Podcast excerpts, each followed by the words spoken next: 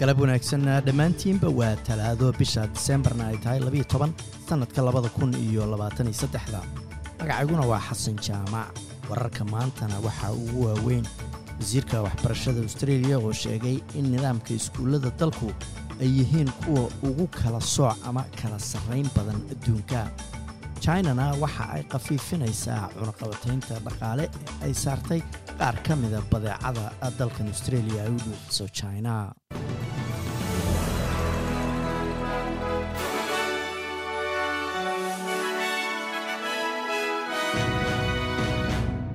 wasiirka waxbarashada austreeliya ayaa sheegay in nidaamka iskuullada dalku uu yahay kan ugu kala sooca ama kala sarraynta badan adduunka iyadoo hadba ku xiran ayuu yidhi jeebka waalidka. Dib u eegid ay koox khubraa ku samaysay nidaamka iskuullada dalka ayaa lagu ogaaday in iskuullada dowladda intooda badan aysan buuxin heerkii waxbarasho ee loo baahnaa in lagu haqabtiro baahida waxbarasho ee ardayga wasiirka waxbarashada dowladda federaalka jason clare ayaa la kulmay dhiggiisa wasiirada gobollada dalka waxaana uu kala hadlay arrintan isagoo wacad ku maray inuu soo afjari doono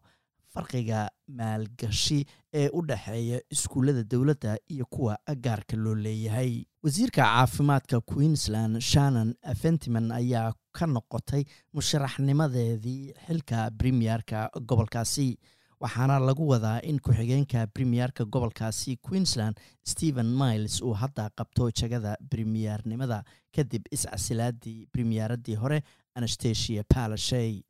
tan ayaa imaneysaa kadib heshiis dhex maray mr miles iyo khasnajiga gobolka queensland cameron dick oo la filayo inuu isagu noqdo ku-xigeenka xisbiga nationalka ayaa dhaliilay qorshaha dowladda federaalka ahu ay ku dhimayso dadka soo galootiga ee xirfadaha ku yimaada labada sano ee soo socota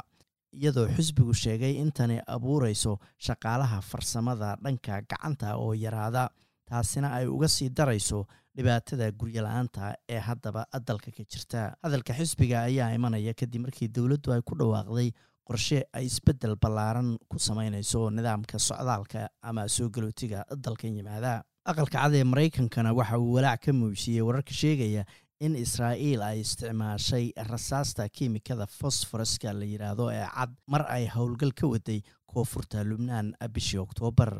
Wararkan oo markii ugu horreysay ay daabacday joornaalka washington post shalay oo isniin ahayd ayaa lagu sheegay in rasaasta fosforaska la yidhaahda uu maraykanku siiyey israa'iil.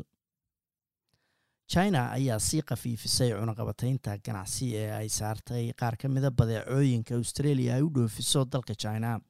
Kadib markii hay'adda kastamka china ay ku dhawaaqday inay hadda qaadayso xanimaadihii ay saartay saddex goobood oo hilibka lagu qalo oo dalkan australia ku yaalla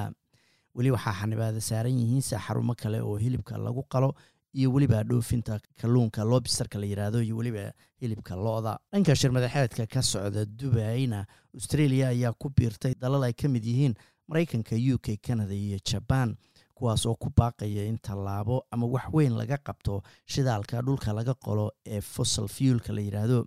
waxayna dalabkan ka jeediyeen shirka isbeddelka cimilada ee cop ee ka socda imaaraadka carabta brita oo arbacaa saadaasha hawada melbourne waa xoogaa roobab yaryar iyo siddeed iyo toban digrii sydneyna dabaylo ayaaba la filaya labaatan iyo siddeed bayse gaaraysa halka australian dollar maanta waxaa lagu sarfayay lixdan iyo lix senti oo lacagta maraykanka ah